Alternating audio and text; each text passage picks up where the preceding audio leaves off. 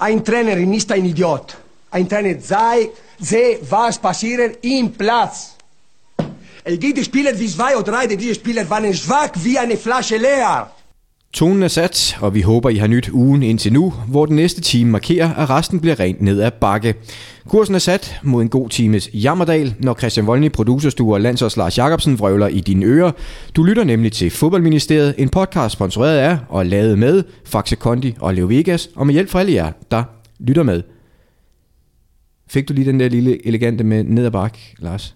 Som så kan være et oplæg til, at du har været på skiferie. Ja. Ja, det gik ned ad bakke der. Ja. Altså, det gik hurtigt ned ad bakke.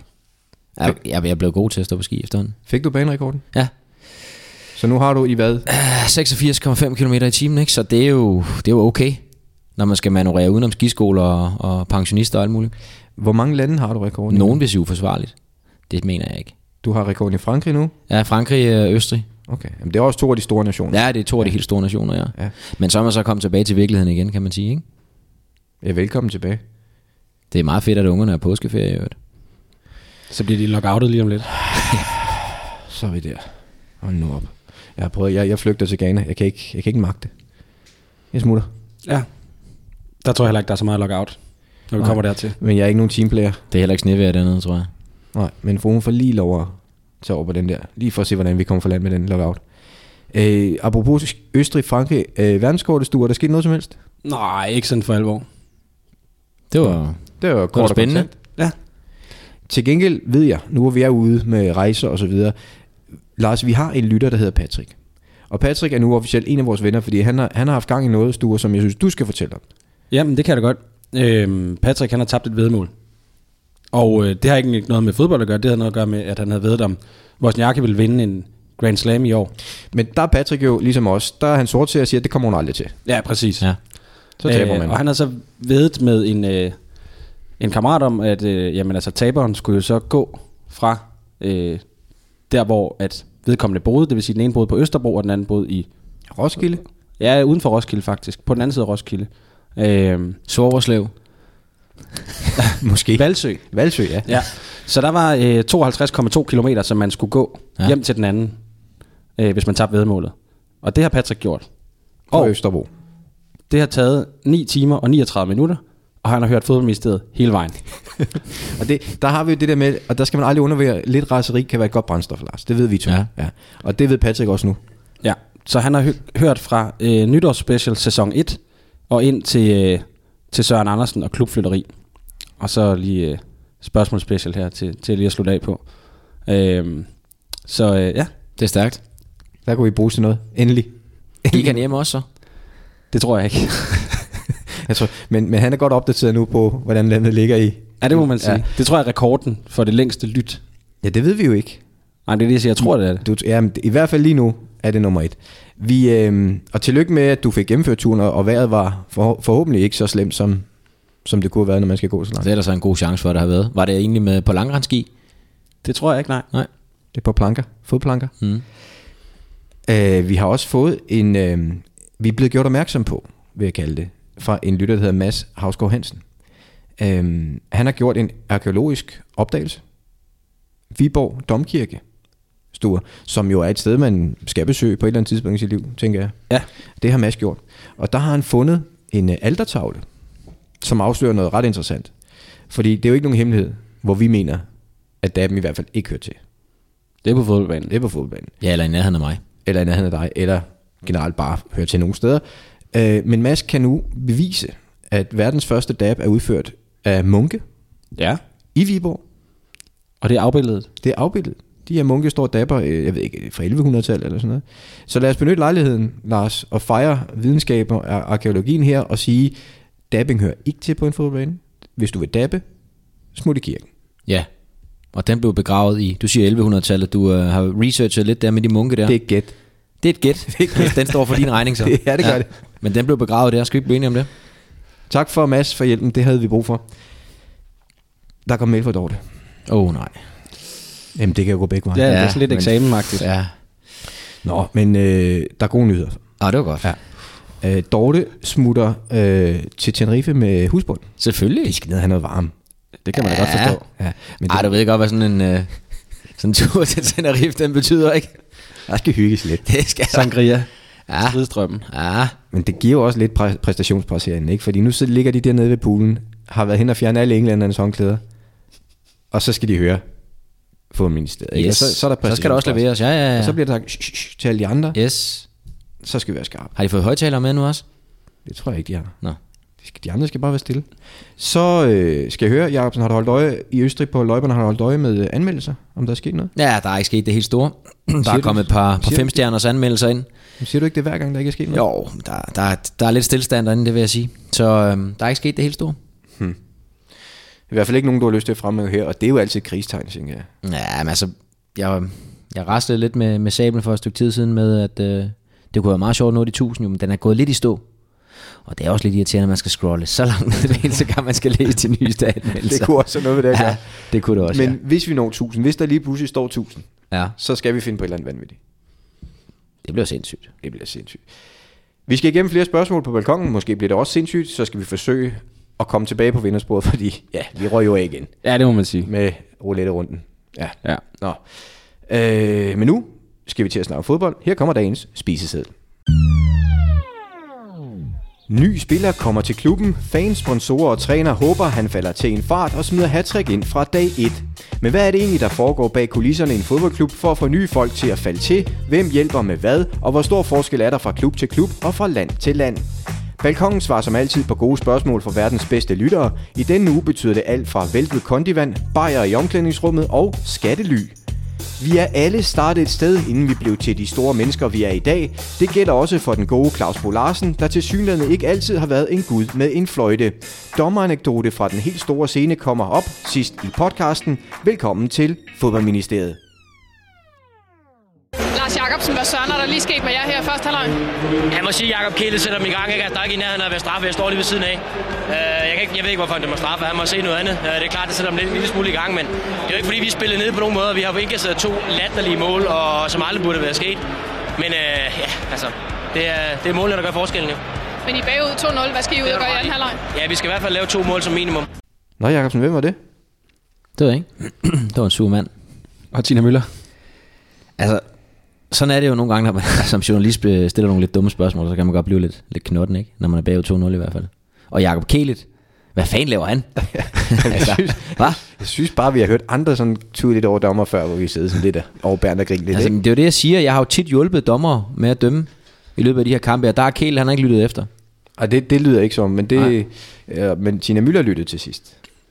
Ja, hun fik jo klar besked, altså. Men Jeg det var synes, også du er- rigtigt nok, det jeg synes, sagde. du er høflig, du giver hende jo ret. ja, Ja, ja, okay, okay. det, det var jo to, to mål, vi manglede.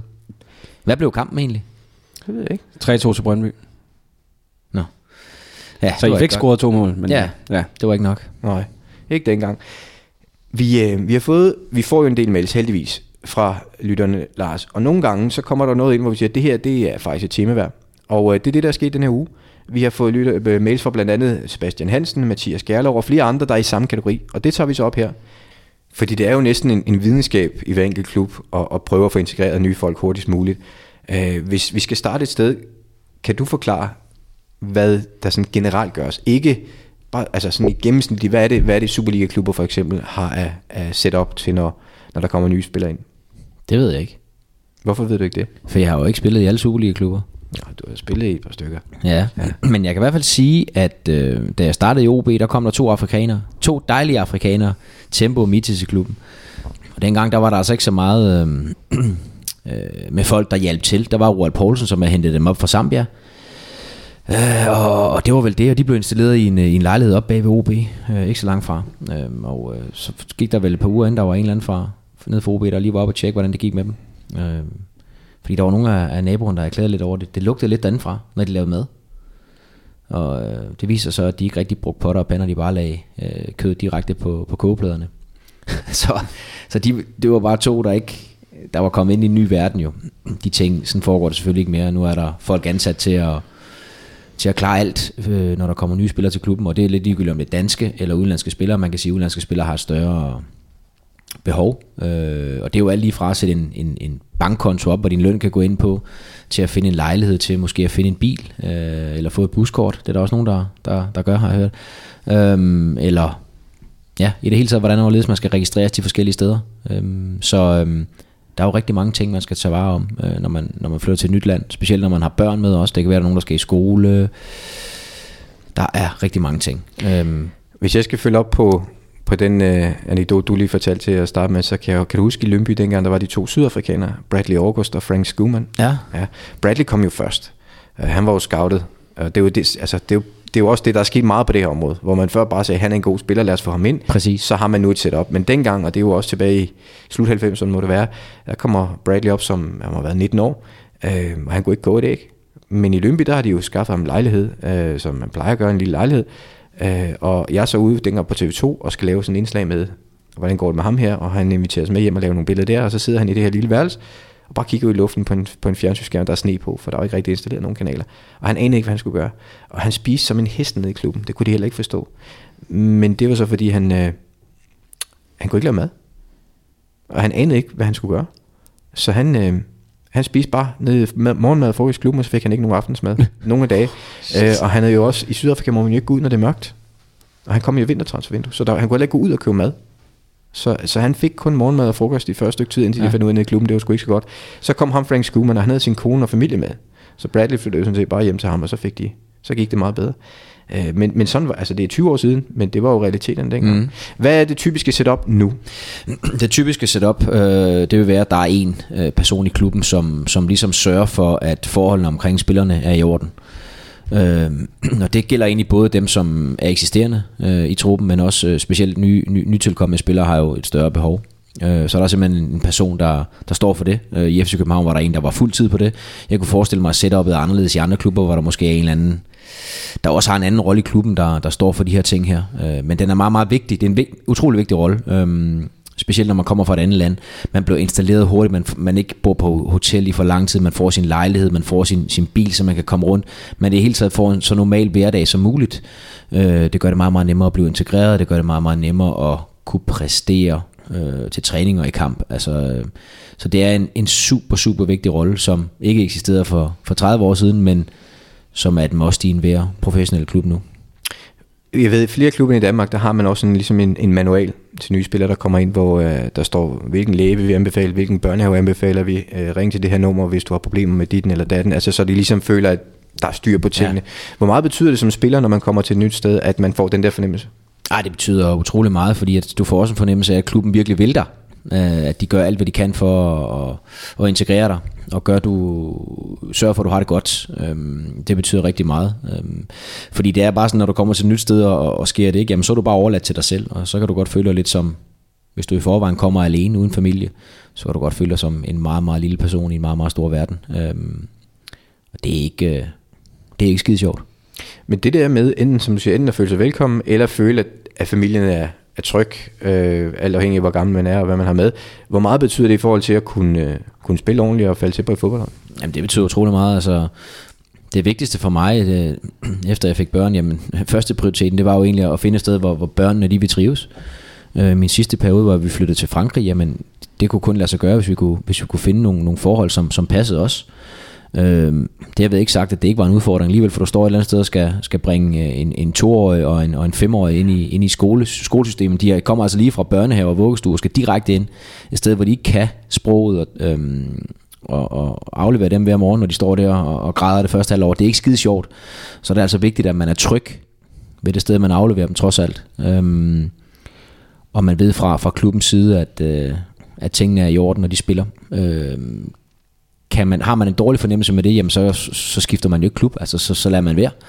Det, det er jo det vigtigste, at, at ens øh, familie, øh, familie trives, fordi ellers så render du og tænker på det hele tiden, når du render rundt ude på fodboldbanen, og så kommer hjem om eftermiddagen, tænker nu har de haft det af helvede til igen i dag, så kan man altså ikke spille fodbold. Hvor meget øh, skal man selv gøre, når man kommer som spiller til en ny klub i et andet land?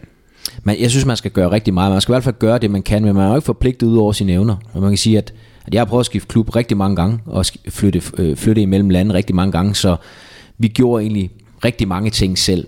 Øh, Man kan sige, at der var nogle udfordringer forbundet med at flytte til Frankrig, i og med at vi ikke var super gode til sproget. Og min kone er heldigvis rigtig god til det. Og Det er jeg så blevet okay til sidenhen også, men, men i starten, der var det en, en, en- en stor, øh, en rigtig, rigtig stor udfordring øh, på grund af sproget. Jeg tænker bare, hvis man Altså nu, sproget selvfølgelig er en barriere, men nu hører vi jo, at klubberne gør rigtig meget. Øh, nogle øh, fuldtidsstillinger, nogle i hvert fald involverer en masse forskellige mennesker i det her skal jo godt. De har selvfølgelig også noget på spil. Altså det, det, er, jo, det er jo mange penge, man investerer i sådan en mm. spiller der. Øh, så, så det er jo ikke kun for, for at være flinke. Øh, men selv i FCK, som du nævner som nogen, der har fuldtid på det her, der kan det jo også gå galt.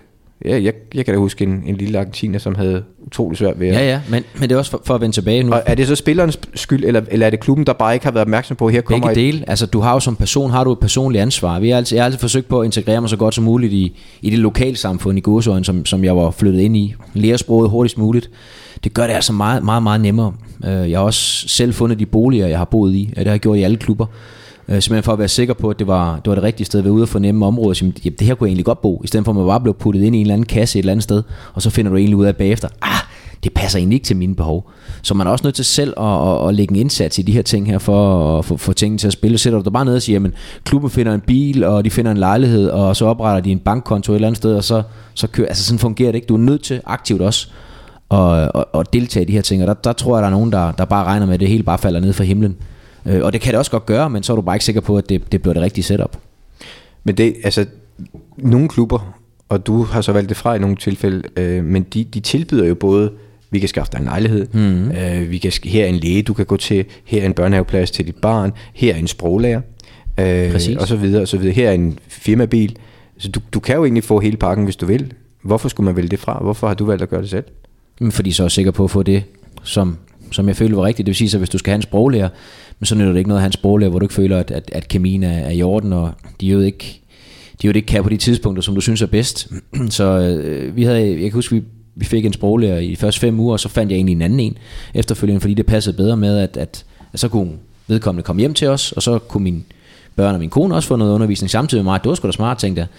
Øhm, det samme med en bank, der kom klubben og sagde, "Men vi anbefaler den og den bank, og øhm, det endte, jeg endte så også med at tage den bank, men det var egentlig kun fordi, at det område, jeg flyttede ud i, der lå, samme, der lå en filial af, af- af samme brand, øh, så det gav god mening, men havde jeg ikke gjort det, så havde jeg nok valgt en anden bank. Øhm, så, så, så, så på den måde, så, så er jeg nok så bare typen, der, der forsøger på at finde, finde de løsninger, jeg tror, der er bedst for mig selv. Øhm, og, og ikke nødvendigvis bare tager, der tager det, som, som klubben anbefaler. Øhm, det er jo også bare sådan, at i et transfervindue, der kan der jo godt komme rigtig mange spillere ind. Og øh, vi var jo tre, vi var tre danskere, der kom på samme tid. Plus alle mulige andre. Øh, og så er det jo nemmest at putte sa- alle tre ned i samme kasse, men vores setup var bare vidt forskellige. Ikke? Ronny Svarts havde ikke nogen, øh, han havde sin kæreste med, og, og Jonas Løssel havde et lille barn. Jeg selv var, skulle, have- skulle have børn i skole, så vi var, det var vidt forskellige setups, så man kunne ikke bare proppe os ned i samme kasse. Øh, det vil sige, så hvis vi var ude og kigge på hus, jamen, så blev vi jo tilbudt de samme ting, men vi havde nok nogle andre behov, end, end, end eksempelvis Ronny Svarts havde, der, der kun havde sin kæreste med. Så, så, så på den måde så var det vigtigt for mig at være, være meget aktiv øh, i forhold til at finde den, den rigtige øh, løsning. Simon Korydon er også en af de lytter, der har skrevet ind omkring det her. Og han, Han, er han, Bjarnes bror eller hvad? Ja, måske. Uh, han spørger lige præcis til det her med indkvartering, uh, plejefamilier, kontaktpersoner, sproglærer osv., og det har vi jo så svaret på så godt som vi kan. Men han spørger også, er der mange klubber, som ejer boliger, der ligesom er til rådighed for spillere? Ja, det er der da. Der er der klubber, der har, har lejligheder og huse og så videre, som, som de så installerer deres spillere i. Øh, absolut, ja. Jeg tror i hvert fald, vi kan sige, hvis ikke de har det, så har de i hvert fald nogen, de samarbejder med, som Det er det. har en masse boliger på hånden. Ikke? Præcis. Øhm. Altså jeg tror, alle klubber er opmærksomme på vigtigheden af at få, få spillerne hurtigst muligt væk fra hoteller. Og få, altså, de skal ud og have, have gang i deres eget liv, hvi- hvis, hvis det er en, en spiller, der skal være der i en længere periode. Kan man sige, at det er en lejeaftale på et halvt år, så er det ikke sikkert, at det er nødvendigt at få, få fundet en lejlighed. Så kan det godt være, at man kan, man kan bo på hotel eller et eller andet andet. Men øh, jeg synes, det der med at komme væk fra hotellerne, det, det er det vigtigste. For klubbernes side er der jo, vi, vi nævnte det før, der er jo rigtig meget på spil, når du bruger så mange penge på en spiller, som forhåbentlig skal slå til. Øh, hvor er det, der nogle gange går noget galt? Altså hvad har du oplevet af, af ting, der ikke passer, selvom klubben har, har gjort, hvad de kunne? Øh, Jamen det er jo netop som jeg siger, hvis man ikke selv deltager i processen, men det, det værste eller det farligste, det er det der med, hvis man ikke, ikke sætter sig ind i, i hvert fald at gøre en indsats for at lære sproget. Det er det, er det vigtigste. Øhm, også fordi det, det afgiver noget respekt hos klubben og, og spillerne. Øhm, at når du flytter til Frankrig, øhm, så, så, så, så sætter du dig ind i, i, i deres måde at tænke på. Du prøver på at lære at tale sprog. Det kan godt være, at det ikke går skide godt. Og det kan også godt være, at du aldrig lærer det. Men at du i det mindste prøver på det, øh, det giver rigtig, rigtig meget. Det giver dig også nogle fordele i forhold til, til at, at blive integreret i en gruppe, Så hvis du, hvis du som, som, som tre danskere ko- tager til en fransk klub, og der er ikke nogen af os, der kan fransk, jamen så nytter det ikke noget, at, at vi tre danskere sætter os over i hjørnet og snakker med hinanden. Der er du simpelthen nødt til at tvinge dig selv til at, men nu sætter du dig over i den anden, et andet hjørne af omklædningsrummet og snakker lidt med dem derovre, så man bare prøver, og det kan godt være, at det, det ikke fungerer skide godt, men det er altså den eneste måde at, at, at, at komme ind ordentligt ind i et omklædningsrum på. I Danmark kan man godt nøjes med at snakke engelsk for det meste. Jamen det er jo det, og det der, der er vi jo så, så, så heldige, at, at alle kan engelsk, og det meste træning, eller et, det var det i hvert fald i FC København, der jeg spillede der, der foregik alt på engelsk alligevel. Sådan tror jeg egentlig også, der er i, i, i mange andre klubber, ikke? Men jeg tænker også det der med fra, fra klubbens synspunkt, så er det jo også, altså så bliver spilleren jo lige pludselig et større aktiv, når han kan, eller i hvert fald prøver at lære sproget. Altså, der er en hel masse ting, som man så kan blive brugt til lidt bedre. Jamen også fagne øh. omgivelserne, ikke? Altså der er jo i nogle klubber i verden, betyder det ufattelig meget, hvis man gider at prøve at være en del. Altså mit indtryk er i Liverpool for eksempel, hvis du, hvis du viser interesse i, i, i det lokale der, så er du allerede en held. Altså, Præcis. Man kan så også integrere sig selv på den måde. Øh, ja, hvis man er i tvivl om, hvor meget klubberne går op i det her, der findes jo klubber, som lever af det. Altså der er nogle klubber, som, hvis jeg skal sådan en som Herrenven i, i Holland for eksempel, som jo i hvert fald i en overgang tog 10 ungdomsspillere ind fra Nordeuropa, forskellige steder i Nordeuropa, og var fuldstændig afhængig af at kunne integrere dem. Med, de havde et setup med plejefamilier og alt muligt andet, som, som spillede, og lige pludselig kom der en Jon Dahl igennem ud af ingenting, og, og Daniel Jensen kom også, den var igennem. Der Ja, men jeg kan huske, jeg fik, et til. til, jeg fik et tilbud dernede fra på samme tidspunkt, som Daniel Linsen, han røg dernede. Øh, det valgte jeg så at takke nej til. Øhm, jeg synes, det var for tidligt at, at rejse afsted, men, men der, der blev lagt en hel, en hel øh, palette frem af ting. her er din bil, øh, men, øh, øh, her er din lejlighed, øh, plejefamilie, whatever. Altså hele, hele pakken lå klar, for det var sådan en plug-and-play-løsning. Øhm, fordi de, de havde gjort det, allerede gjort det i mange år. Det var ret nyt dengang.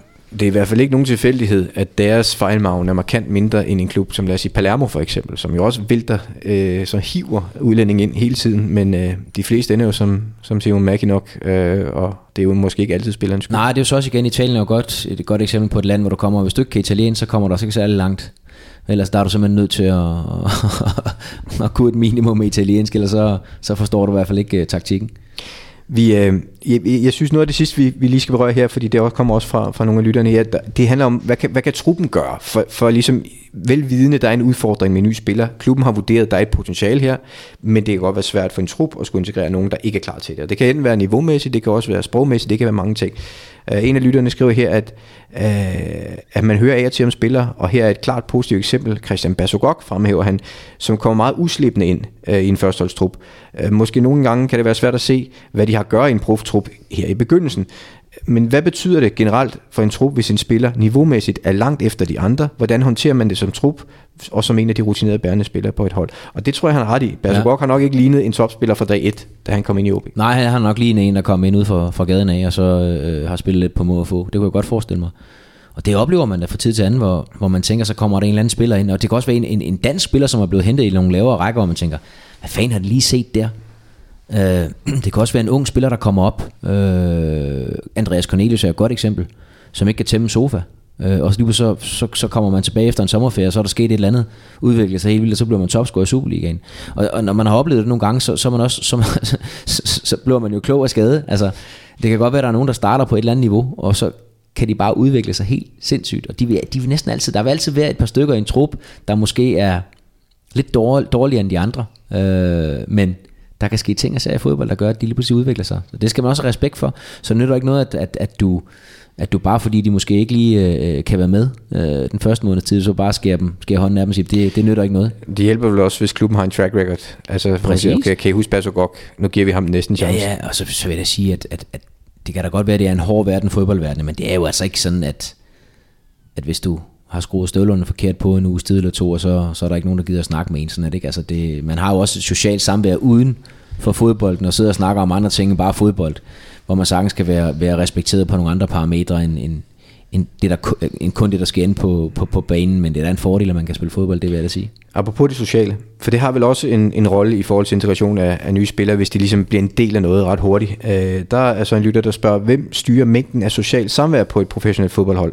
Kommer det an på, hvor meget træneren går op i det, eller er det en anfører ting? Ja, det er jo sådan lidt en, en klubting, hvad der er tradition for, men generelt så er det jo nok anfører og, og bødekastformand, der siger, nu skal vi, nu skal vi ud og lave noget. øhm, så kan man sige, at, at øh, hvis du spiller i en klub, der spiller meget europæisk fodbold og har et tæt pakket program, så er det, så er det svært at finde tid til de her arrangementer, fordi det, det så går væk fra, fra din restitution og din tid med familien. Men der skal være no- nogle af de her øh, arrangementer i løbet af et år, og, og det behøver ikke være så meget. Det kan være, at man bare lige går ud og får noget mad, bare lige kigger hinanden i øjnene et par timer, og så tager hjem igen. Og det, det er vigtigt for at få rystet, få rystet truppen sammen, fordi man er mange gange lidt anderledes, når man ikke sidder i omklædningsrummet, hvor alle har deres normale kasketter på, og, og der er pauseklonen, og øh, der er ham den sure, og så er der de forskellige. Ikke? Når du kommer ud og i nogle andre miljøer, så er det tit nogle andre kasketter, man får på. Så det er vigtigt, øh, og det behøver jo ikke nødvendigvis at være bowling, vel?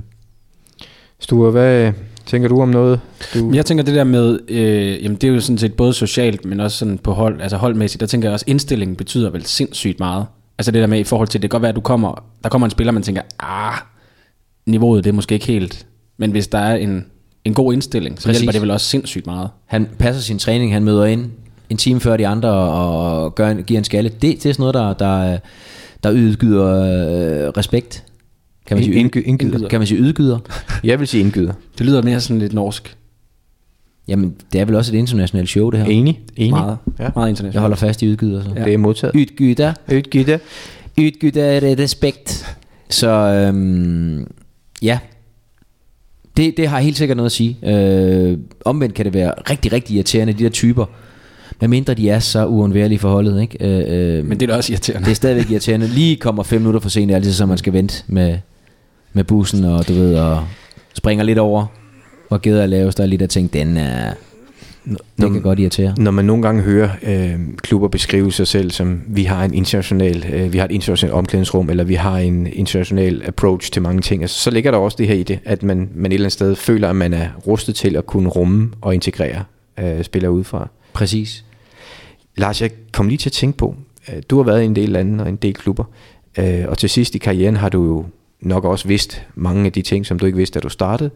Har du set eksempler på fejlslagende øh, integrationsforsøg fra klubber, hvor du har tænkt, det her det gør det ikke godt nok, her er der noget, der går galt, og ganske rigtigt en måned senere, så svipsede den. Mm, Ja.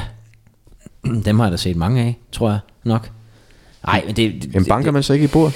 Jo, men jeg har, jeg, har, jeg har nok bare sådan lidt som, øh, som person, at så er du sgu nødt til selv at gøre det. Du, du kan ikke altid bare skyde skylden på, på klubben og sige, de skulle også have gjort. Nej, du skal selv sørge for. Altså, sådan er det jo lidt. Øhm, men det har jeg ikke sagt, at klubberne ikke også kunne have gjort det bedre, men jeg mener bare som, som jeg synes tit dem der, som, som ender i de der øh, situationer, hvor, hvor, hvor, de, hvor det ser håbløst ud, men det, der er de sgu selv udenom det også. Altså, du kan ikke, altså du, du, du kommer til en eller anden klub, øhm, du, sk- du skal ikke bare som person forvente, at det hele det falder ned fra himlen til dig. Det skal du, ikke. du er nødt til at, at gøre en indsats selv. Tak til alle jer, der har sendt mails på, der handler om, om det her. Vi håber, vi har fået, fået besvaret i hvert fald nok til, at I ikke føler jer utilfredsstillet. Kan man sige det? Sten? Jeg har lige et sidste spørgsmål faktisk. Ja.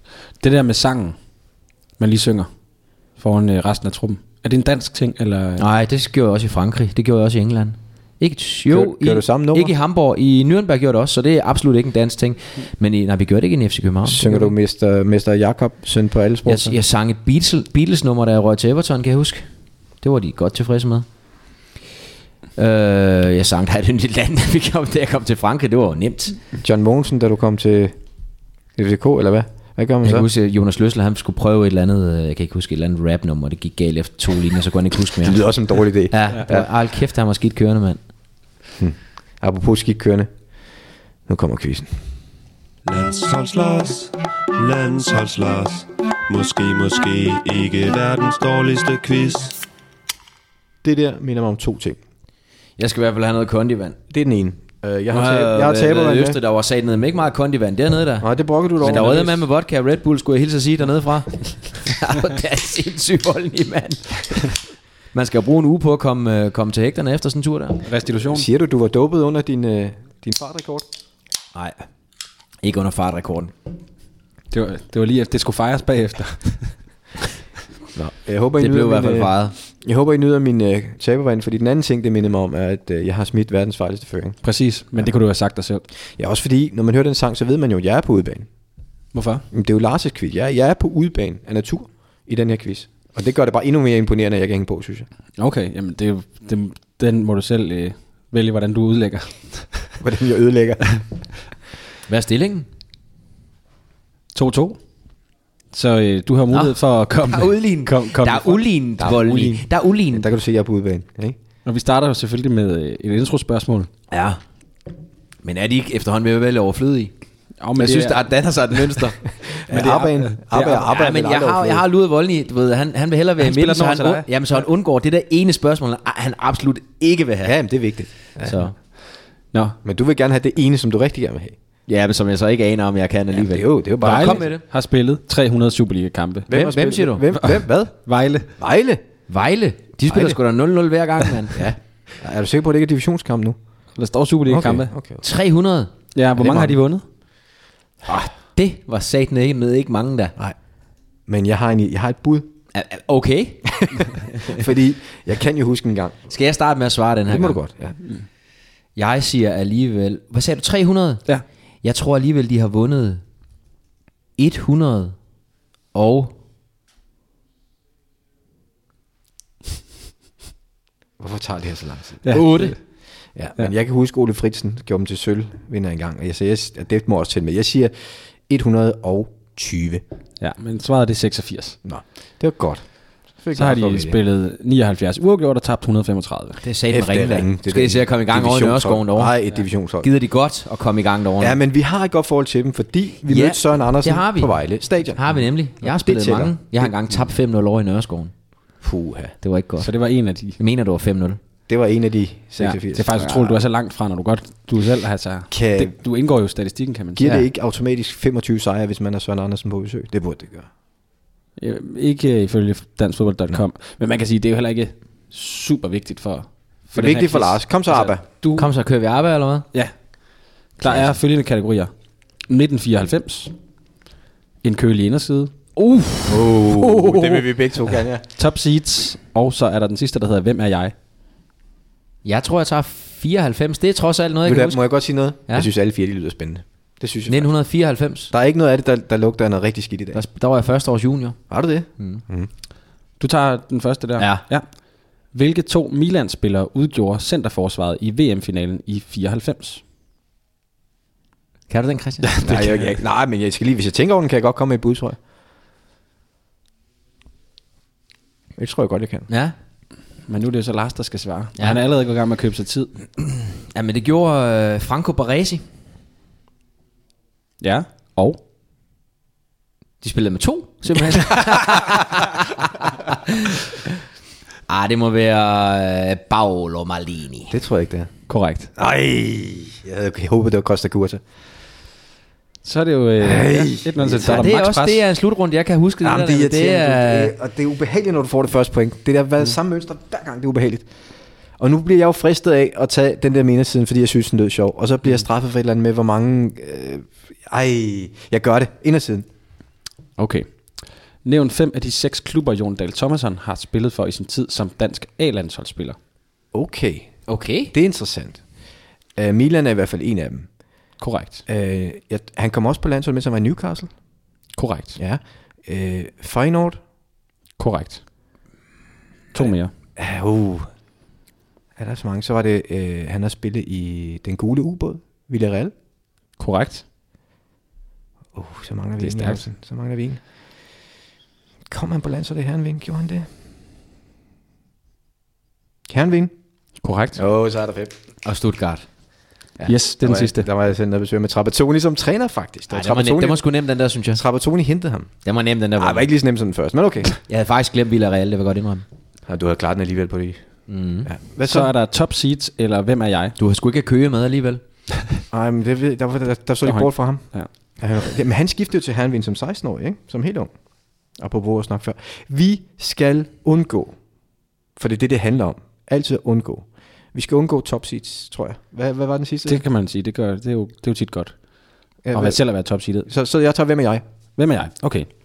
Jeg er født den 3. februar 1958, debuterede på landsholdet den 29. august 79 i en 0-0-kamp mod Finland.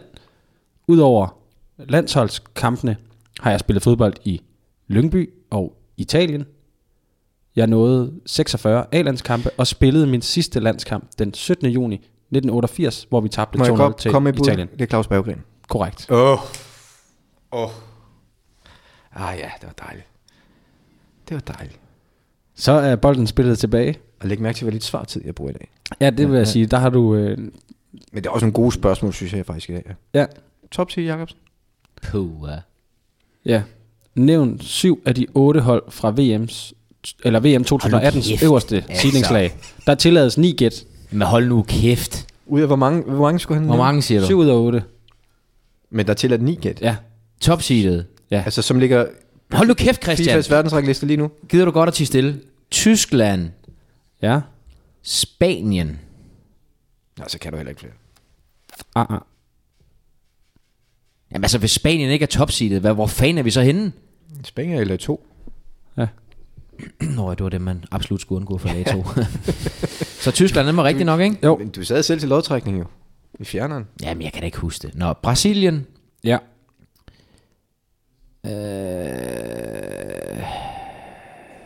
Argentina. Ja. Der har vi tre. England. Forkert. Men Du kan stadigvæk... Det, det var den sidste forkerte. Det går meget godt. Ja, du er okay. 3-2 sorten. Men nu må der kun være hits. Portugal. Korrekt. Frankrig. Ja. Hvor mange mangler jeg? Fire. Nej, du har fem nu, ikke? Altså, øh, Rusland er jo topseedet som øh, værtsnation. Ja. Der har du seks. Så mangler en. Og den skal være rigtig. Jeg er faktisk blevet let lige pludselig, ikke? Og jeg er lidt i tvivl om... Øh...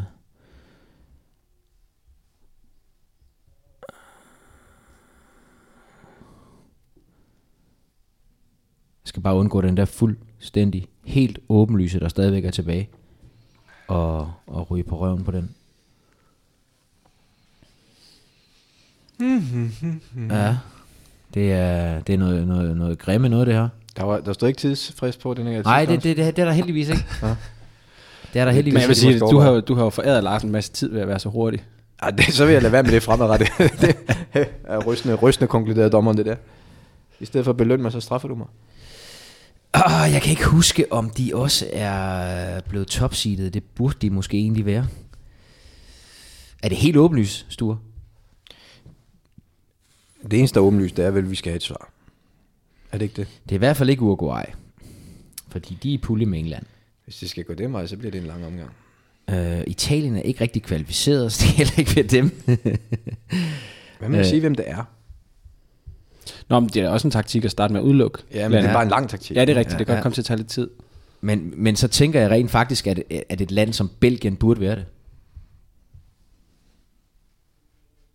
Det er et svar. Det er rigtigt.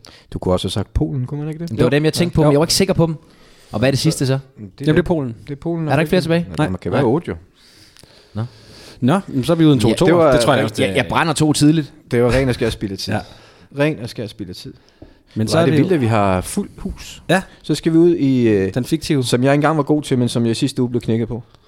Jeg vil sige det sådan, jeg har haft, jeg har været meget fuld den sidste, den sidste uge, men ikke så meget hus. Nej.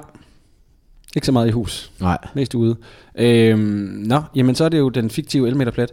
Og øhm, der skal I skrive ned henholdsvis. Ja. Husk at sætte stavekontrol på, Christian.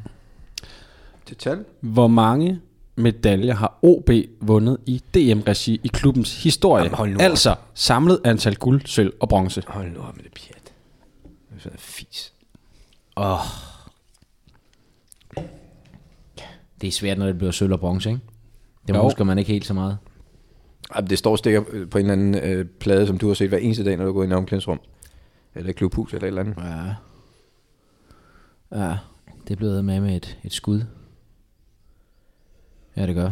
Ja, det gør. Har, har du svaret, Molny? Pokalmedalje også. Jeg har skrevet noget. Har du skrevet syv, Christian? Nej. Men så hjælper jeg heller ikke mere. Nej. Har du skrevet dit? Ja. Øh, de har jo øh, det er to mesterskaber, de har vundet. Og de har jo blevet, blevet, blevet nummer to så mange gange i nyere tid også jo. Er det, er man i Fire, Superliga-regi, eller er det i ever? DM-regi. Et DM-regi. Ja, Okay. ja, okay. Men så holder jeg fast i syv. Du siger 7, Ja. og Volny har sagt 25, er det Ja, korrekt? jeg synes, det er en stor klub, OB. Ja. Men det rigtige svar er 14. Så den tager Lars. Den tager jeg. det var lige ring. prøv, prøv, lige, prøv, prøv lige at liste det op.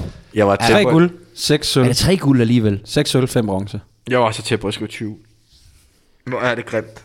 Hvor meget siger du? Hvor mange bronze? Fem. Og hvor mange sølv? Seks. Er der, ligger der mange øh, i de tidligere år? Det må der Hold jo nu gøre. kæft med det De der. blev, de blev nummer to en del gange. i Hold hver- nu kæft. Ved du hvad? Kæft, hvor I skuffer mig uden til boldklub. Nej, hvor er jeg skuffet over jer. Jeg er, Fy for positiv, jeg er helvede, faktisk hvor I ringe. positivt overrasket Ej, over hvor er det dårligt. Det er dobbelt så god, som du troede. Ja. ja. Nej, hvor er de dårlige Odense, mand.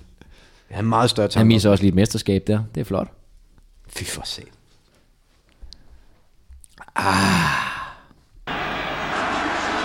Her har de det danske hold, som skal tage kampen op mod disse frygtede englænder, som vi alle sammen kender fra vores gode tipslørdage. Der er debuterende målmand, den 21-årige handelsstuderende fra Aarhus, Troels Rasmussen, har overtaget pladsen efter Ole Kvist, der måtte, måtte melde afbud i aftes på grund af en ankelskade. I stedet er Alex Nielsen fra Vejle, Troels Rasmussens tidligere klubkammerat, nu på reservebænken spillere, de skal lægge mærke til. Ja, hvad med den lille Jesper Olsen med nummer 8, der spillede så storartet i Rumænien. Vi har også Olo Rasmussen tilbage. Han blev foretrukket frem for Morten Olsen, der har været skadet et stykke tid. Olo Rasmussen spillede senest i kampen mod Grækenland i slutningen af sidste sæson. Der er utrolig meget fremragende samlet i det her klip. Ole Rasmussen bider Ole mærke i. Rasmussen, vores ja. juletræs øh, sælgende ven, øh, nede hos en øh, vrede kommentator i næste, Ja, ja. som holder Morten Olsen ude. ja, men det forstår man jo godt. Det forstår man godt. Øh, der var Ole Rasmussen en, måske en mere stabil højre Bare han ikke stod plantet dernede. Ja, det, det var senere hen. Det var senere hen.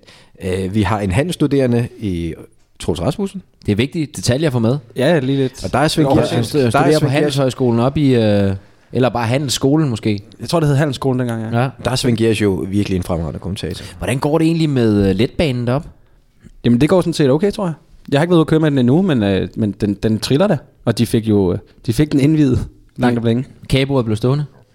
Ja, de Men jeg er kom jo- bare lige lidt film henover, og så var det klar til. Jeg er jo sådan cirka med Molslinjen øh, sådan to-tre gange om ugen, og så når man kommer kørende op nede fra, fra havnen dernede, Randers der, der er jo ikke ret mange inde i, i, i letbanen. De skal lige se den anden. Det er jo øh, i øvrigt, øh, det er jo Danmarks svar på San Francisco, Aarhus. Det her, det er. Der er, der er kopieret. Vi mangler lige Golden Gate. Og, Al- og Der er jo, Alcatraz. der er jo, der er jo Ringgadebroen. Lige præcis. Bare den ikke er op. Det var i hvert fald en fremragende kommentatorpræcision fra Svend Gers, øh, lige da Danmark indledte kvalifikationen mod EM i 1984. Og der havde han lugtet, det her blev godt. Det kunne Ja. ja. man, man kunne mærke det på ham. Det var vel egentlig startskuddet på sådan en rigtig Det var landsholdshistorie. det ikke? nok, ja. Det var startskud, det var Det er grundstenen, der blev lagt til 86. første vellykkede kvalifikation. Er det der, hvor Simonsen han scorer på straffe på Wembley? Det er, det den kvalifikation? Det må det være. Ja. Vi skal i gang med roulette Det skal vi også, ja. Og øh, det handler om at vinde penge til øh, de gode fodboldformål, som øh, verdens bedste lyttere har lyst til at prøve på rouletten. Leo Vegas betaler. Det gør de. Den med glæde. Ramme. Ja, men med glæde. Men Det er det er, ikke også meget, lidt, de har betalt. Det, er- nej, det er let at være sponsor lige nu. Har I ikke set, de kører med sådan en masse øh, knaldtilbud derinde? Øh, Er det vores penge? Er det lytternes Det er penge? fordi, vi ikke vinder jo. Altså. De skal jo bruge dem. Ja. Øh, har du hørt noget fra Uffe Holm? Nej. Han kan heller ikke være stolt af dig lige nu. Han er skuffet. Mest skuffet over dem, der ikke følger vores spiltips. Men øh, ellers så... Øh, ja. Jamen, det, den sidste sejr kom vel egentlig på nogen, der gik direkte imod det. Ja. Ja, Aarhus fremad og det kan den man også sorte godt farve. gøre en gang imellem. Ja, Det anbefaler jeg også nogle gange at gøre. det er korrekt, Jacobsen. Det korte og lange er, I skal bare skrive til fodboldministeriet snabelagmediano.nu og skrive roulette i emnefeltet, så kommer I med i puljen, hvor vi trækker, eller hvor vi vælger en, en kandidat hver eneste uge. Og det har vi selvfølgelig også gjort denne uge, og den skal vi høre mere om lige om lidt. Dusin, chaton, munter er bid. Nu er det roulette-tid. Vi skal også lige have en opfølgning. Dem kan vi jo godt lide, når nogle af dem, der har spillet før, de lige, de lige gør os opmærksom på, hvordan det går. Mm. Øh, kan du huske VSK Aarhus Stur? Ja. Det var noget med en lægetaske. Ja, det var det der fremragende billede, var det ikke det? Det, de sender os nemlig et billede af et rigtig glad fodboldhold med kølespray og den rigtig varme creme, Jacobsen. Den røde. Den. Den røde. Øhm, den, der gør ondt, når man går i bad. Jeps, det var den, du forlangte, de skulle købe, hvis vi skulle støtte dem med en lægetaske. Ja. ja. Øh, de vandt, og de købte lægetasken, og de var glade. Og nu kommer lige en update. Øh, det Det var den, jeg smurte i Jesper Grønkærs underbukser en gang. Det havde han også fortjent. Christian øh, fra VSK skriver lige ind, at øh, de har i år endelig fået hentet nok nye spillere ind til at avancere til rigtig 11-mands fodbold. Så serie 6, here we come.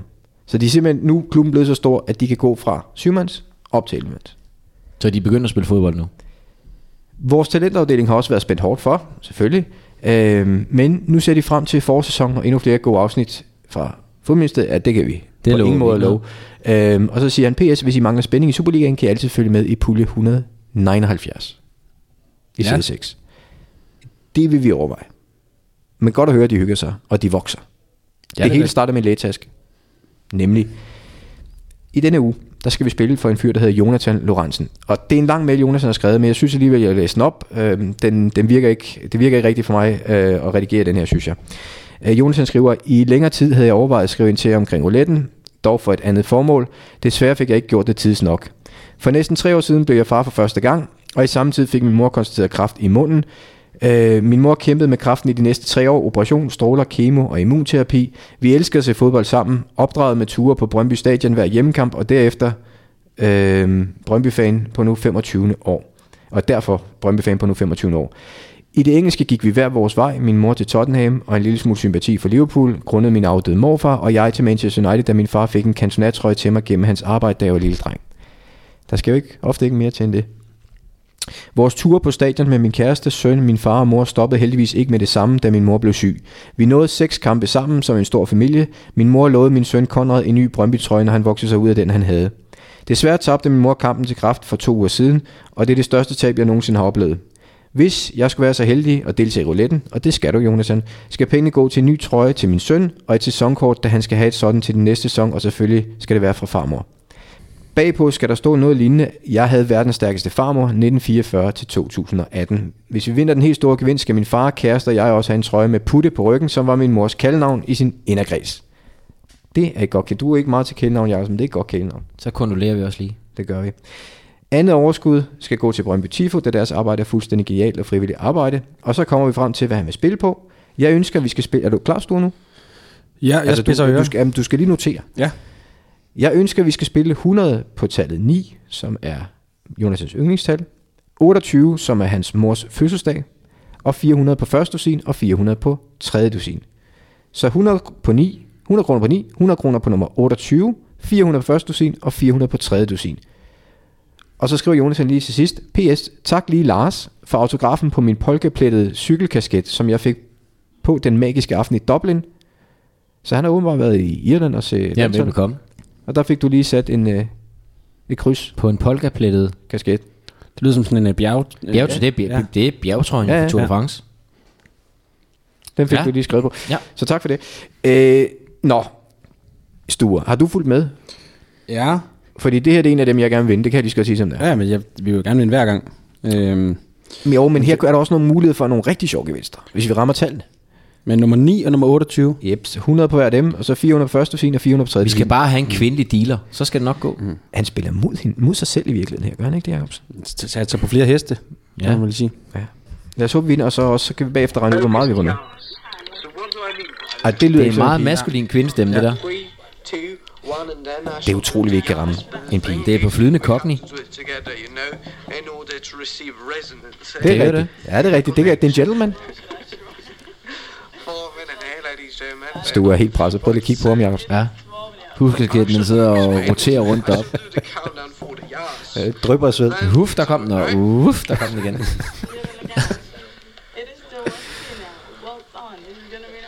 Der, øh, ja. Jeg kan jo Der høre, er lige at der er en lidt kvindelig dealer i nærheden. Ja, Det er bare ikke hende, som vi har han snakker fået. om. Det er supervisoren, der lige over tjekker, at det hele går, og det har vi jo bedt om at få sat ind. Ja, det kan jeg godt Fordi forstå. vi har følt, at, at der er lidt... Så vi har bedt Leo Vegas om at lige stramme op. Han skal snart lukke røven ham der til gengæld. Jeg bliver sindssyg. Jeg kan høre, Stuart, der sker noget nu. Åh, oh, og en sms. En WhatsApp. Hvornår er du hjemme? Ej, hvor bliver der gamblet nu. Og han siger stille. vej hjem? Han siger stille, dealeren, mens vi gør det. Ej, men han, han lød mig lige... Øh, få Okay, Det der er rød er en butterfly. øh, østeuropæisk øh, udgreve af Magnus Milang. Og close bet, siger han. Med rød butterfly. Ladies and gentlemen, Yes! I just noticed the name actually there. Han griner af os jo. Ej, han håner os. Hvor er vi? This is your red, ladies and gentlemen. Er det... Det er jo så tredje dusin. Det er så tredje dusin. Og, og det giver tre gange pengene. Og Så, så har vi vundet. Ja, ja, ja, den er god nok. Vi tager det som sejr. Ja, 1200 kroner. 1200, ja. Ja. som vi sender til, øh, til Jonas. Det, jamen, det kan man da... Altså, han kan godt købe trøjen for det. Han kan måske også købe noget... Åh, oh, oh, oh, er der ikke noget med julen i sæsonkort? Det tror jeg måske, der er. Der er i hvert fald mange penge, der rasler igennem ja. der, men en, altså, en sejr er jo en sejr. Det er lidt ligesom øh, Danmarks kamp mod, øh, mod, mod Panama. Ja. Altså en sejr er en sejr. Det, må, det er det jo. Og nu er, vi, øh, nu, er vi, nu er vi halvvejs til en stime. Ja. Øhm, jeg er i hvert fald glad for, at vi vandt. Og øh, jeg er også glad for, at Jonathan delte sin historie, og vi kan sende noget til ham fra Leo Vegas. Øh, og så tager du lige fat. Altså, du, nu må jeg godt have, at du... Jeg vil næsten insistere på, at du kommer igennem til UFE denne uge. Men vi rammer da. Ja, men det der med, at der skal supervisor på, og vi ikke kan få en kvindelig dealer... Ja, og, jeg må, jeg må, lige, have, jeg må lige have en alvor snak med ham. Ja, ja. ja, Så prøv lige at løse det i ugens løb, tak. det gør jeg. Nemlig. Nå, Nå. vi skal op på balkongen. Ja. Og der er ikke nogen jingle, så det er bare et spring. Yes, hop. Eps. Her kan I spørge om hvad som helst. Vi svarer så godt som vi kan. Og øh, inden vi tager den her uges tre spørgsmål, Lars, så tænker jeg, der måske lige kunne være plads til en, øh, til en opfølgning. Ja, kom bare. Øh, kan I huske Jack Lundberg? Fremragende forunderfører. Jack Lundberg, han, øh, han spurgte om det her med spillere, der havde andre talenter og kunne være blevet et eller andet. Ja. Udover Michael Schønberg selvfølgelig, der kunne have vundet OL i højdespring. Ja, med Simon Kjær, der gik til fægtning. Ja. Og Daniel Jensen, der gik til rollespil. Det var så et spørgsmål special, men, men i princippet ja.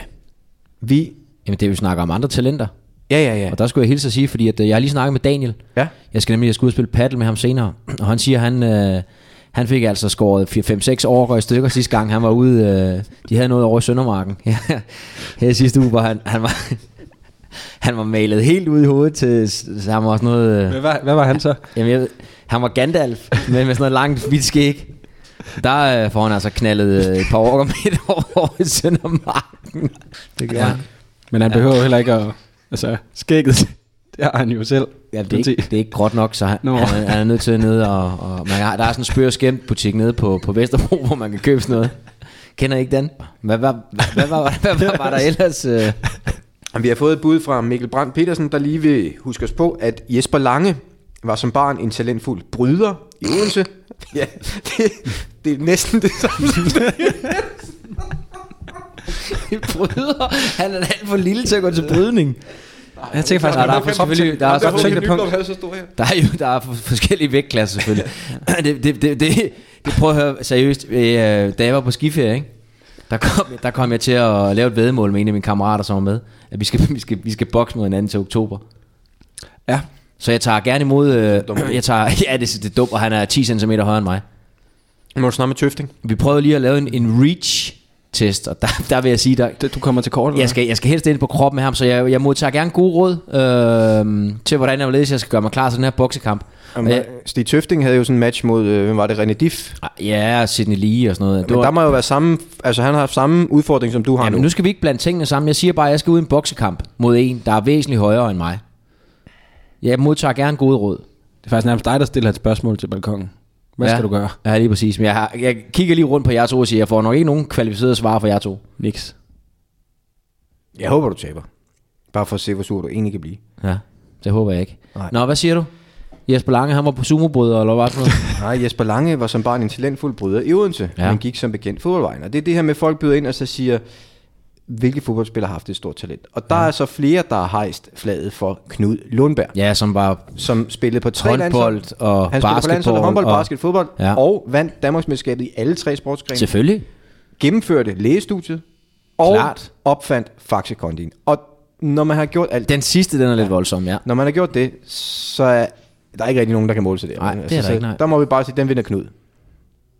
Altså, jeg kan, da, jeg kan da også også sige, at jeg spillede ungdomsfodbold med Christian Ples. Han var da også okay til tennis. Har han opfundet faxekondi?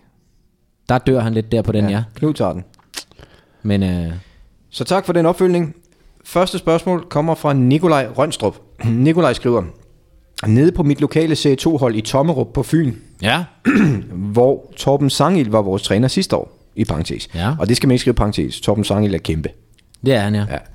Ja. Øh, så plejer der altid at komme minimum en kasse bajer ind i omklædningsrummet efter sejr, En ramme. En kasse, skriver han. Og hvis man ikke passer på, så ender det med både rafling, grillmad og bytur, inden man har set sig om. Hvordan forholder det sig på et professionelt plan? Bliver der fejret med alkohol og høj musik, og er der forskel på, hvordan en sejr bliver fejret på klubhold versus landshold? Ah, Ah, det kommer an på, om man skal spille kamp lige et par dage efter, men ellers så, bliver der, da- så får man da lige en, en bajer eller to, og så bliver der hamret op for musikken. Øh, byturen, den, den er ikke så god. Men ja, der er faktisk bajer, også ja. Ja. på Superliga-niveau. Og Heldigvis for det landsholdsniveau, Ja. Øhm, og jeg synes, det der med musik, det kommer meget an på, hvem der er i truppen. Det er ikke så meget med klub at gøre, det er mere med- virkelig med trupsammensætning, ikke? Okay.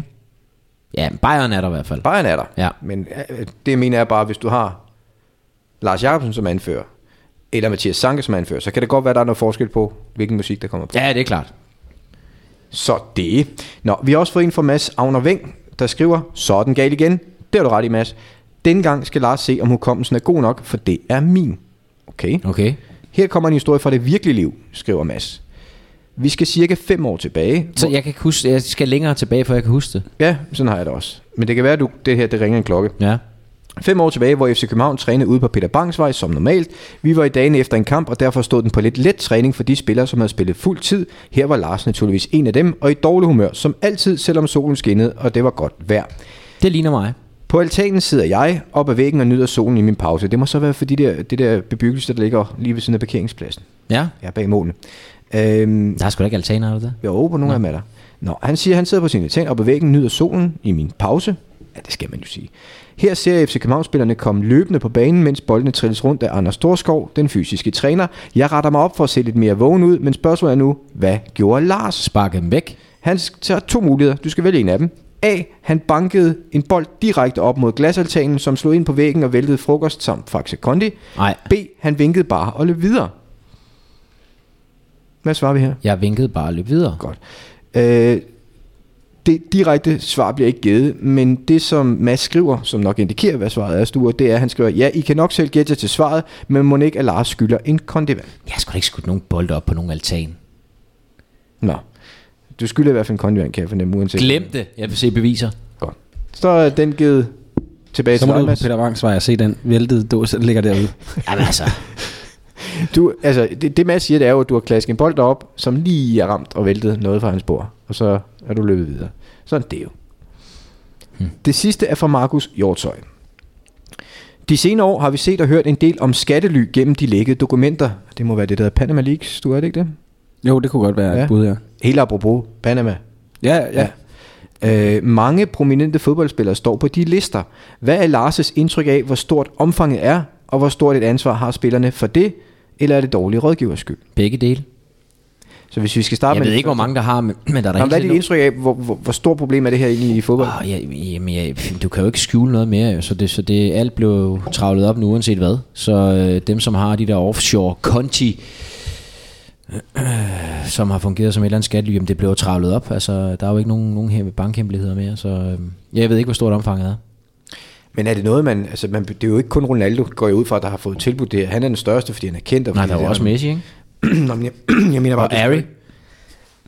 Hund, skal vi lige skynde os at sige. Ja, det er selvfølgelig rigtigt. Det er jo ikke ham. Det, jeg mener er bare, man behøver jo ikke at være øh, stinkende rig fodboldspiller, Nej, før man der kommer en behøver- rådgiver og siger, jeg kan godt Nej, måske... man behøver ikke kun at være fodboldspiller, man kan være alt muligt andet, ikke? Så øhm, ja, jeg ved det ikke. Altså, det, der er jo ikke nogen fodboldspillere, der finder på det der selv går ud fra. Det er jo fordi, der er nogle rådgiver, som, som har tænkt, nu har vi lige en god idé, så du kan spare nogle penge i skat, og det er lovligt, måske de måske endda. Og ja, så ryger man i sådan en fælde. Det er beklageligt. Øh, Men man stoler som spiller på en revisor, der siger, det kan jeg hvis du ikke. ikke stoler på en revisor, så er der ikke nogen grund til at have ham, jo, så, så ja. Øh, men jeg går derud og håber, at de har fundet en ny efter, efter det her. En, der kan rydde lidt op. Ja. Ja, det var øh, balkonstue. Vi skal have givet noget til nogen. Ja. Jeg kunne godt lide, jeg, jeg synes det er øh, et godt spørgsmål, det der med, hvor, øh, med Lars. Øh, hvordan øh, altså, han har reageret. Så selvom at Lars jo benægter historien af forløbet sådan her, så mener du, at det er Men noget... der er jo ikke nogen balkon, jeg kan sparke bolden op på derude, Christian. Du har da selv været der. Ja, Jamen, det er fordi, jeg kunne godt tænke mig at få det opklaret, det der. ja. Og så kan man sige, så kan det godt være, at Lars ikke vil give en kondvand, men så kan jeg jo så sørge Men for, hvis at han nu, får nogen. hvis nu Lars ender med at have ret, og den risiko Nej, hvis er han kan altså- bevise det, så vil jeg gerne. Jamen, det er det, jeg mener. Hvis Lars ender med at få ret, så har vi jo belønnet en mand, der kom med en påstand, som der ikke kunne bevises. Så kan alle jo bare komme og sige, Ja, men jeg, jeg, jeg øh, tvivlen kommer ham til gode indtil Okay, videre. men du bestemmer. Ja, Altså, det er en af de få ting, vi to- godt tør lade dig bestemme stadig. ja Lars er ikke helt enig, men det er jo klart. Nej, men det vil det er sige, klart, ikke? Mads Agner får en pris fra Kondi, Faxe Kondi for spørgsmålet, men han får også et påbud om at f- komme med yderligere beviser. Ja, det vil, Især- være, det vil være klædeligt. Ellers så tager du ud og banker ham. Ja. Apropos vinder. Sidste uge, ja. der valgte du en vinder i spørgsmålsspecial, som jo blev valgt mellem, ja, hvad nåede vi, 1000? 1000 eller noget i den stil spørgsmål.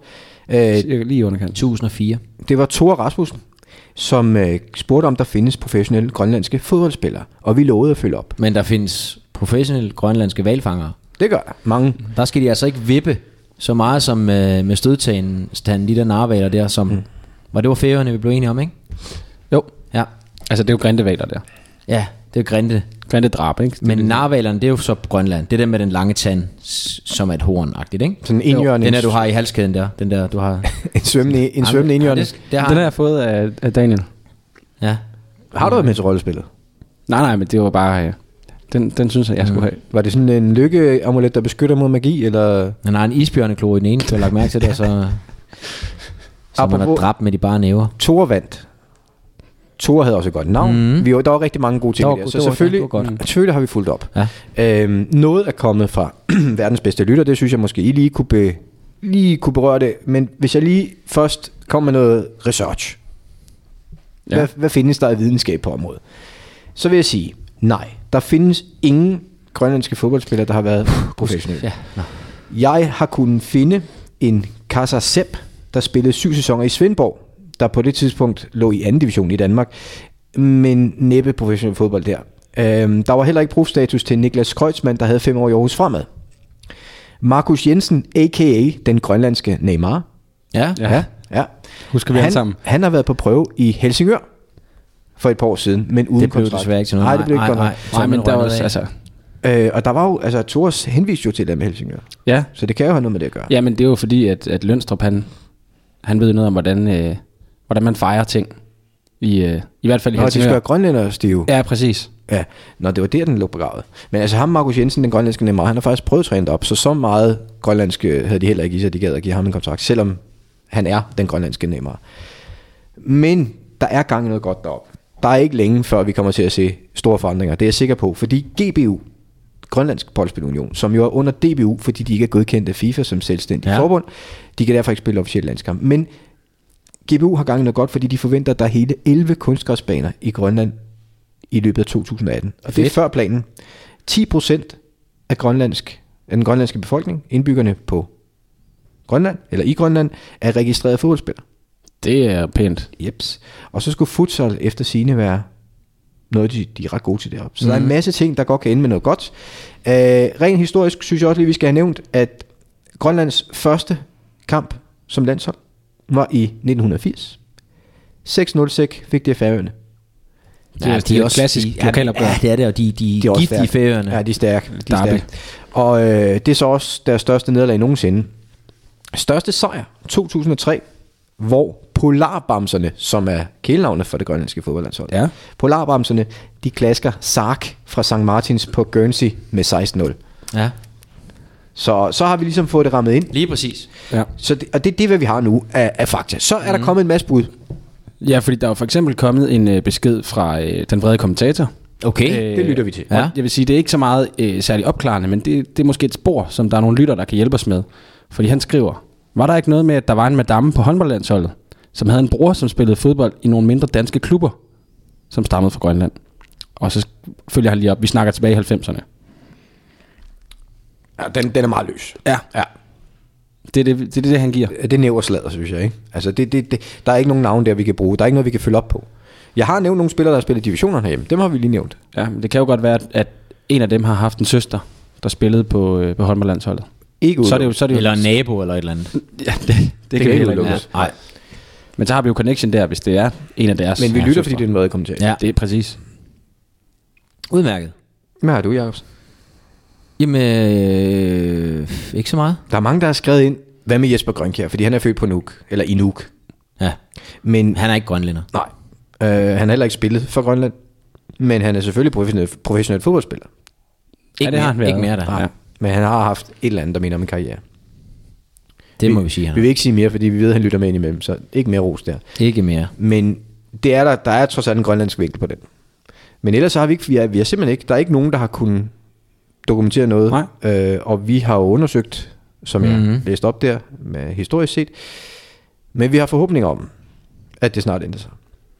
Og vi bakker 100% op om det. Det gør vi. GBU, fuld support. Polarbomserne, for the win.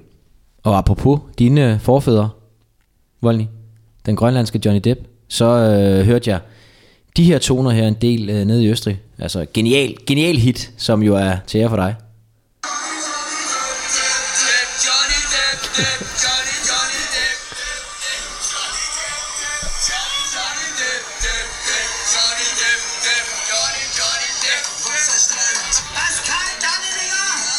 Se, det er musik. Jeg vil sige, da, det dokumenterer jo i hvert fald det, du påstod tidligere, at der røg noget inden for Vesten i Østrig. Når du er sådan et sted Det, der. det, kan jeg ikke, øh, det kan jeg ikke tale om. Og så glæder det mig jo også, Sture, fordi udover øh, det ganske rigtige er et stykke fremragende musik, øh, er det fra Mozarts eget øh, hjemland? Ved vi det? Jamen det er det. Det er det, okay. Wolfgang Amadeus Mozarts. Ja, det, han ville have været stolt af det her. Ja, det tror jeg. Og, og, og udover det, så viser det jo også, at øh, du savner mig jo, når du er væk. Ja, det gør jeg da. Så går du rundt og synger lidt for mig. Det kan jeg godt lide. Det var slut på balkon. På en meget mærkværdig vis. Første gang, vi har sluttet den af på den måde. Hvis I gerne vil have et spørgsmål med, og det synes jeg, I skal have lyst til, så send en mail til os, du. Ja. På fodboldministeriet snabelag mediano.nu eller, eller, Twitter. eller på Twitter. Under hashtagget lyt til Lars. Den er ikke længere. Så kan man vinde en ram kondivand fra vores venner hos Faxe Kondi. Og nu er det først og fremmest blevet tid til et stykke. Endnu et stykke fremragende musik. Legende news. Nu er det tid. Nu er det tid til legende news. Legende news. Nu er det tid. Nu er det tid til legende news. Så er vi klar til øh, en anekdote fra Claus Bo Entertainment. Og øh, jeg, jeg har ladet mig fortælle, Lars, at øh, du, er, du har flippet 100%, øh, 180 grader rundt. Du er gået fra det sidste til det første inden for Claus Bo Man skal jo starte et sted. Det skal man, og jeg vil meget gerne høre mere. Man skal jo kravle, før man kan gå, Christian. Og så tænker jeg, vi er nødt til at grave lidt i, øh, grave lidt i hvad- hvordan bliver man egentlig dommer? Altså, hvordan starter man med at være dommer og alle de her ting? Det synes jeg var meget interessant. Øhm, Og var han god fra start, ikke? Jo, lige præcis. Øhm, og så var jeg nødt til at grave lidt, researche lidt. Og øhm, Claus Bo øh, Larsen, han, øh, han startede som 16-årig. Okay. Det er hurtigt at vælge at gå den vej. Så har man vidst det. Det er det, Jamen, jeg- eller hvad hedder ja, sådan men noget? jeg, tænker, Målrettet. jeg tænker måske også lidt, at... Øh, jeg ved ikke, er det, er det fordi fodboldtalenten ikke er der 100% eller hvad? Så tænker man, nu går jeg dommervejen. Er det i Fyn-serien, men... Det er det så ikke, nej. Okay. Det er det så nok så ikke, nej. Fordi at øh, man starter jo som regel med, øh, med ungdomsfodbold.